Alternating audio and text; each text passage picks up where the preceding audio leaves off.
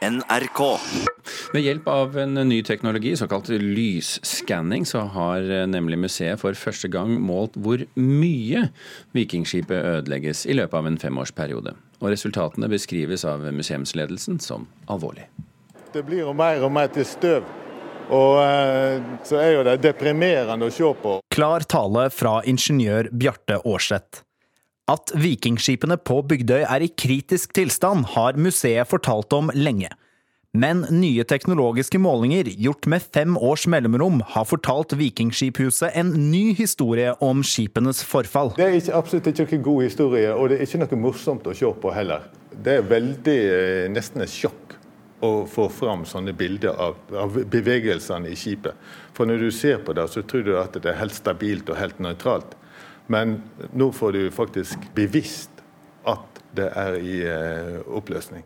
Teknologien det er snakk om kalles lysskanning. Kort fortalt en type skanning som kartlegger skipenes overflate i 3D, og gjør det mulig å spore bevegelser som har skjedd på overflaten. Fordelen med å ha det sånn i 3D, det er jo at du kan snu og vende på ting. sant?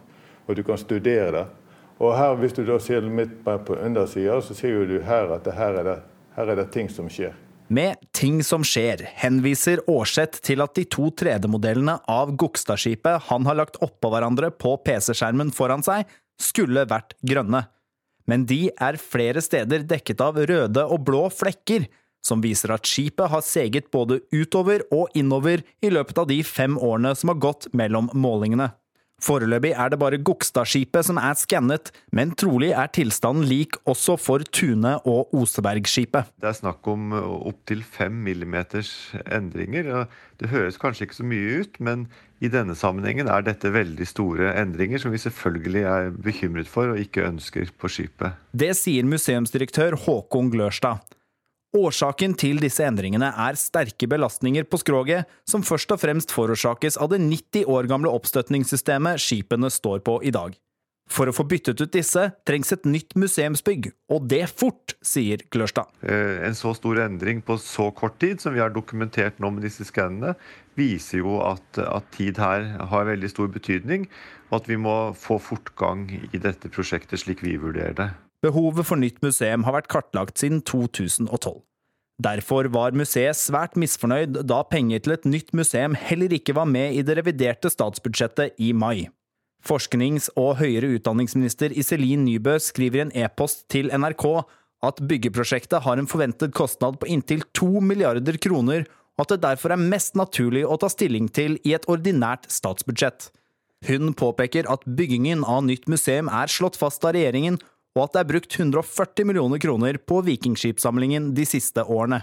Advarselen fra ingeniør Aarseth er imidlertid klar. Du kan si at du kan utsette å gjøre noe med det, men da, men da har jo du eh, Neste gang du skanner det igjen, så vil du se at det har skjedd enda mer. Og da har du en veldig dårlig forklaring på hvorfor du utsetter å gjøre noe. Reportere i denne saken det var Marianne Rustad Karlsen og Øystein Tronsli Drabløs. Så skal vi snakke om bøker som mange er opptatt av. Det begynte i 1997 med 'Flaggermusmannen'.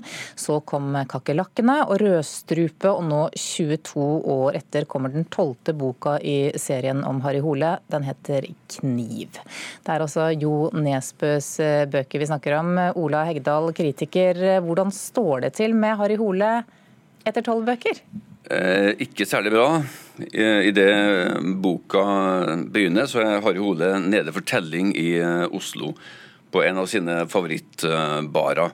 Han er eh, forfylla.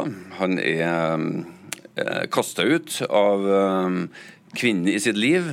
Og han er suspendert fra jobben i Oslo-politiet igjen. Så det er en dårlig dag for Harry Hole. Og så er det vel ingen Harry Hole-roman, kan vi kanskje anta, uten minst én seriemorder? Det, det stemmer. Altså det som skjer med Harry først, er at eh, det går fra vondt til verre. Uh, han oppdager at han får høre at kvinnen i hans liv som har kasta han ut, har blitt myrda på bestialsk vis, naturligvis. Og hvem er det som kan ha gjort det? Det? det? kan tenkes at det har noe med, med Harry å gjøre, at det er hans skyld på en eller annen måte. Og I tillegg så har vi da diverse andre seriemordere og, og suspekte individer som svirrer rundt omkring. og som, som Harry må prøve å, å, å takle.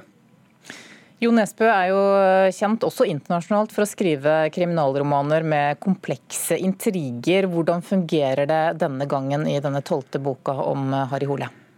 Ja, Som vanlig så, er, så skriver Nesbø ekstremt kompliserte og, og, og eh, ja, det, det, er mange handlingstråder som skal knyttes sammen uh, til slutt, til et slags uh, stort, uh, stort nettverk.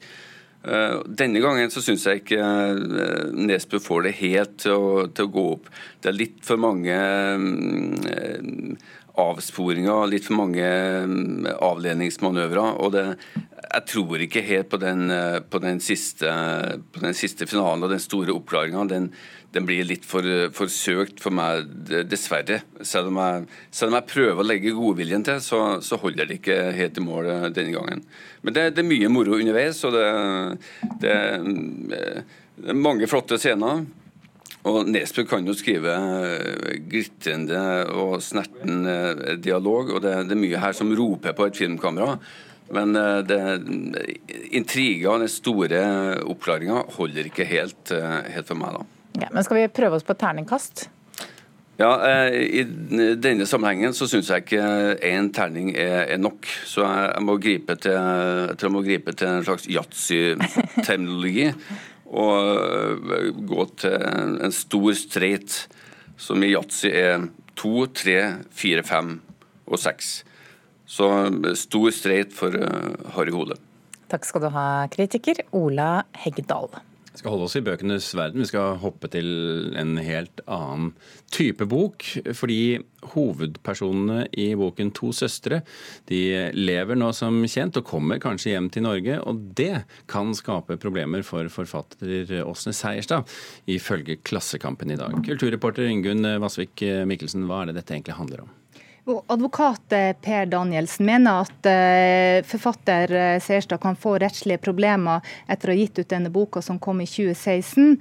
Boka handler om disse to søstrene som i 2013 dro fra Bærum til Syria for å tilslutte seg terrorgruppen IS. Og Seierstad skrev i denne boka på, baserer seg på etterlatte dokumenter, som hun kaller det, som hun fikk tilgang til gjennom familien til disse to søstrene. Og hun innrømmer at hun ikke har fått tillatelse fra søstrene til å publisere det før hun gjorde nettopp det. Og det er jo der sakens kjerne er. Så dette betyr altså at det er her hun går over streken, ifølge Per Danielsen? Ja. Han viser også til, til saken eh, rundt boka 'Bokhandelen i Kabul', som også er av Seierstad. Der representerte han den afghanske familien til bokhandler Shah Mohammed Rais, eh, der de mente at eh, Seierstad da har publisert eh, ting rundt deres familie som de ikke har gitt tillatelse til. Den saken ble det jo ikke noe av, men den handla jo om mye av det samme. Men hvordan svarer Åsne Seierstad på dette her, da? Hun sier at eh, på denne tida så hadde samfunnet et akutt behov for å forstå hvorfor unge mennesker dro fra vestlige demokrati til Syria for å eh, tilslutte seg IS, og det var viktigere enn eh, personvernet i denne saken. Aftenposten har jo intervjuet disse søstrene som altså er funnet i live i Syria. Vet vi noe om hva de sier om dette? Ja, de eh, sier at de er meget godt kjent i hvert fall med den oppmerksomheten som deres historie har fått i, eh, i Norge. Så da vil jo tida vise da om eh, hvordan denne saken eventuelt ruller videre. Vi får eh, se når den eventuelt ruller videre. Eh, Ingunn Vassvik Mikkelsen, takk for at du orienterte fra bok til TV.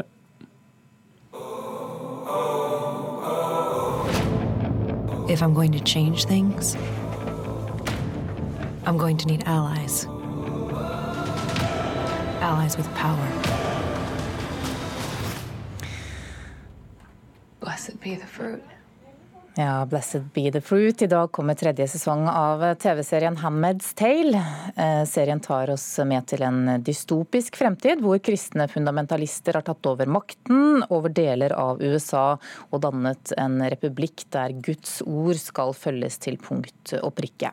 De kvinnene som er i stand til å få barn, er blitt en sjelden og ettertraktet vare, og disse får da rollen som såkalte handmaids, selv om sexslave i praksis kanskje er er en mer beskrivende tittel. Deres oppgave er rett og slett å føde barn. Marte Hedenstad i Filmpolitiet her i NRK, du har sett de tre første episodene. Hva syns du? Jo, jeg eh, syns at eh, den tredje sesongen starter på et veldig spennende sted. Eh, fordi Handmaid's Tale har vært en TV-serie som er utrolig mørk og dyster og har et enormt sånt ja, følelse av å gi opp, eh, og at ting er umulig. Eh, mens i disse tre første episodene av denne sesongen så, så kjenner vi at det er en liten sånn eh, motstandsbevegelse i emning, som, som vi hørte på lydklippet her. Og da denne June, eller Offred, som hun kalles i Gilead, dette, dette riket, altså Off-Fred, altså hun tilhører Fred, spilt av Elisabeth Moss, hun er en utrolig dyktig skuespiller, og en serie som Handmaid selv krever også veldig mye av av henne som skuespiller, fordi kameraet ligger ofte veldig nært eh, opp eh, på hennes ansikt. Eh, og det er veldig mye som sies med indre dialog, og da kun vist også gjennom ansiktsuttrykkene hennes. Så det krever veldig mye, men Elisabeth Moss gjør det veldig godt. Selv om jeg syns at kanskje tidvis blir denne intense stirringen inn i kamera kanskje litt mye nå etter vi har sett det i to sesonger tidligere. Men, men skuespillerprestasjonene er jevnt over veldig gode. Eh, og jeg må også trekke frem Alexis Bledel, som er en birolle eh, som spiller en kvinne som, ja, uten å avsløre for mye, har vært gjennom veldig mye da, i de to første sesongene, og som June hjelper i sesongfinalen på forrige sesong. Og hun får vi se hvordan det går med nå, og ja, det er helt utrolig sterkt, rett og slett. Kan du gi noen par hint om hva, det, hva som skjer? Ja, altså, eh, ok, De som ikke har sett de forrige sesongene, får lukke ørene sine nå, da. Men eh, i sesongfinalen eh, i forrige sesong så forlot jo June sitt nyfødte barn med rollefiguren til Alexis Bledel, som skulle rømme til Canada. Og nå får vi da se om hun klarer seg over grensa eller ikke, rett og slett. Ok, Takk skal du ha, Marte Hedenstad i Filmpolitiet her i NRK.